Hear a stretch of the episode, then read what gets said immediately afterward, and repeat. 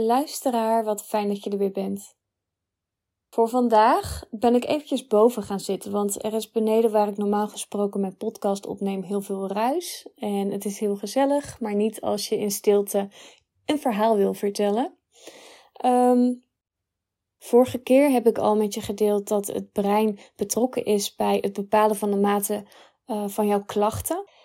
En deze keer ga ik in op de filters die je brein gebruikt. En om weer even een korte samenvatting te geven. Jouw brein is een centrum waarin informatie wordt verzameld vanuit je lichaam, je denken en je omgeving. Jouw zenuwstelsel geeft vervolgens die informatie terug aan je lichaam. En wanneer je chronische klachten ervaart, is je systeem hypergevoelig geworden. Om je een voorbeeld te geven, um, je kon bijvoorbeeld vroeger prima gezelligheid in huis aanbrengen door overal lekker gezellig kaarsjes te branden. En nu, bij wijze van spreken, hangt jouw brandalarm in de keuken en jij steekt in de woonkamer een kaarsje aan, maar het brandalarm gaat af. Jouw brein houdt als het ware een lijstje bij van wat je meemaakt en het geeft hier vervolgens ook een betekenis aan. En soms maakt het valse associaties en wordt het allemaal een gevaar wat je ziet en tegenkomt. Bijvoorbeeld de weersomstandigheden of verschillende lichamelijke activiteiten of zelfs voeding het kan allemaal als teken gezien worden als potentieel gevaar. Chronische klachten krijgen zo steeds meer ruimte in je leven en het sluipt in je hele bewegingsgewoonte, je concentratie, je relaties. En voor als je vader of moeder bent, trekt het helemaal door in het ouderschap en vaak ook in je zelfzorg. Het is volkomen logisch dus dat je gedachten ook steeds negatiever worden en dat dit alles overheersend kan gaan zijn. Ik zie ook heel vaak een gevoel terugkomen van hopeloosheid, van boosheid en ook eenzaamheid.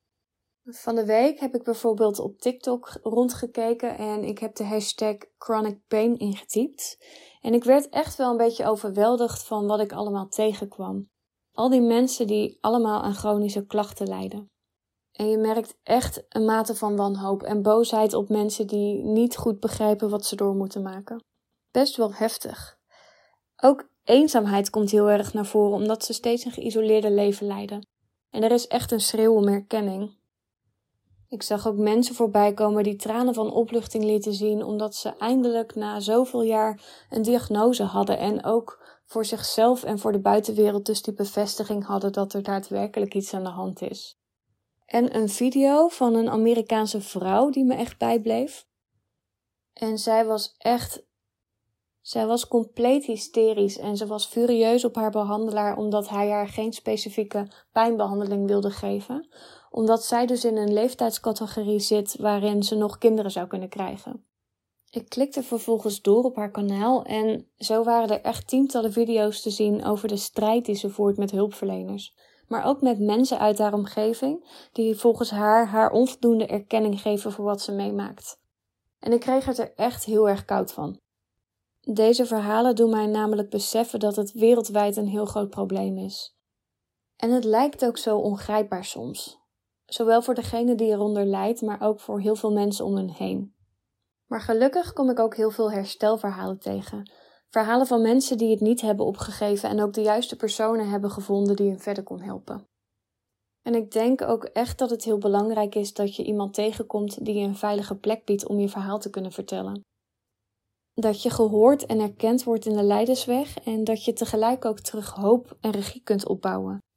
Dit kun je onder andere doen door herstelverhalen, maar ook door praktische tools aangereikt te krijgen waar je gewoon direct mee aan de slag kunt. En ik ben er dus ook van overtuigd dat kennis een belangrijk onderdeel is van bewustwording. En dat stukje kennis ga ik je vandaag bij helpen. Ik wil hierbij benadrukken dat er geen one-size-fits-all oplossing is. Dus het is heel belangrijk om erachter te komen wat de klachten specifiek voor jou betekenen.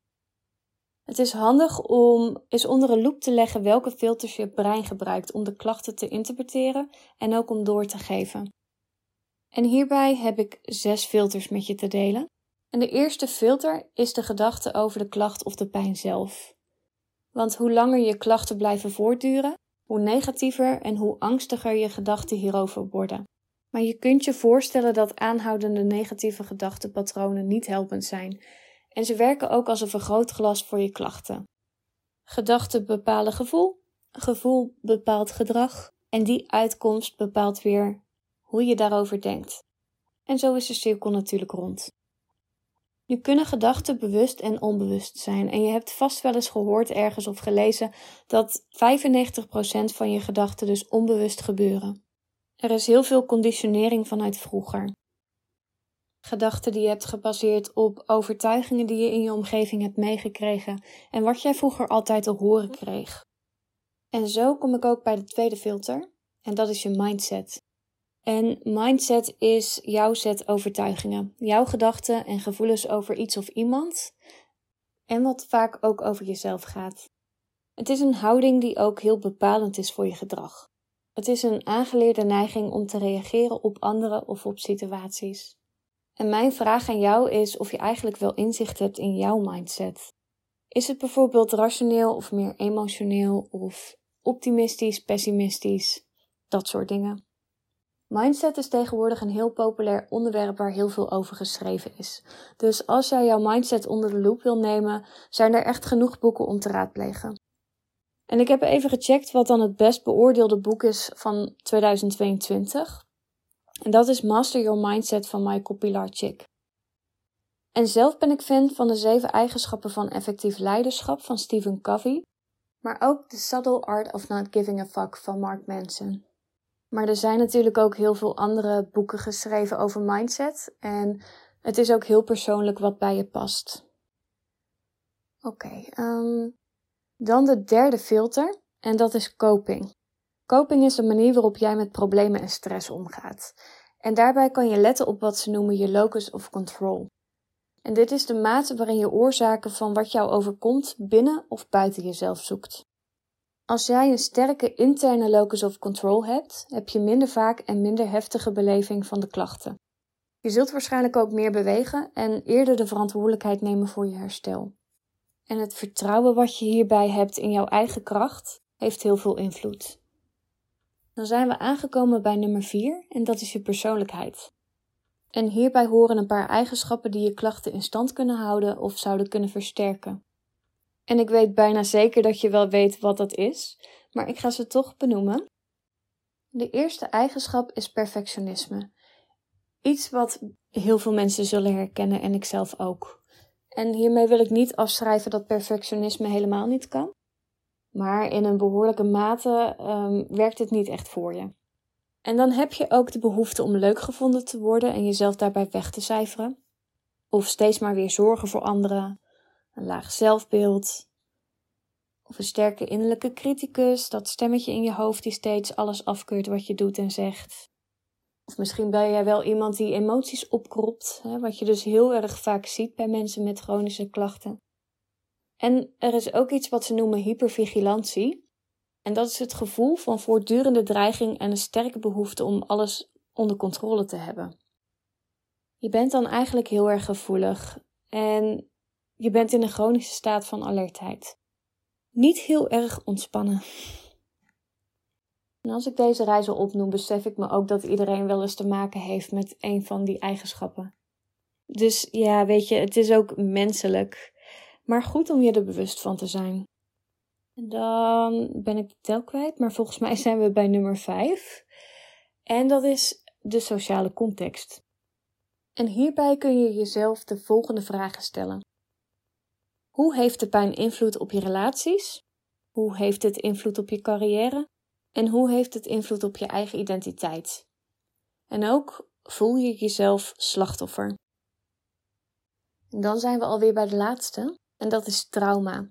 Stress uit het verleden creëert jouw werkelijkheid en het heeft misschien wel de grootste impact op hoe jij jouw klachten ervaart. En trauma is er in verschillende gradaties en zit op meerdere lagen. Het beïnvloedt je rationele denken, het beïnvloedt je gevoel en ook je onderbewustzijn. En het heeft niet alleen maar impact in en op je brein. Je lichaam heeft zelfs op celniveau een geheugen voor onverwerkte emoties. Trauma zit als het ware in je hoofd, in je hart en in je lichaam. Oké, stel nou dat je een of meerdere filters herkent, wat je ongetwijfeld doet, betekent dat niet dat je voor altijd gedoemd bent. Maar als jij nou chronische klachten ervaart, is het wel nodig om hoofd, hart en lichaam te behandelen. En zoals ik dus ook al eerder aangaf, hierbij is dus geen one size fits all oplossing. Oké, ik hoop dat dit verhelderend is geweest voor je. En ik vind het ook heel erg leuk om van je te horen. En stel gerust vragen als je ze hebt. Ik zal ehm, in de show notes zal ik zetten waar je me kunt vinden op Instagram. Maar je kunt me vinden op steffi.reinders.official. En um, ik wens je nog een hele fijne dag en heel graag natuurlijk weer tot de volgende aflevering.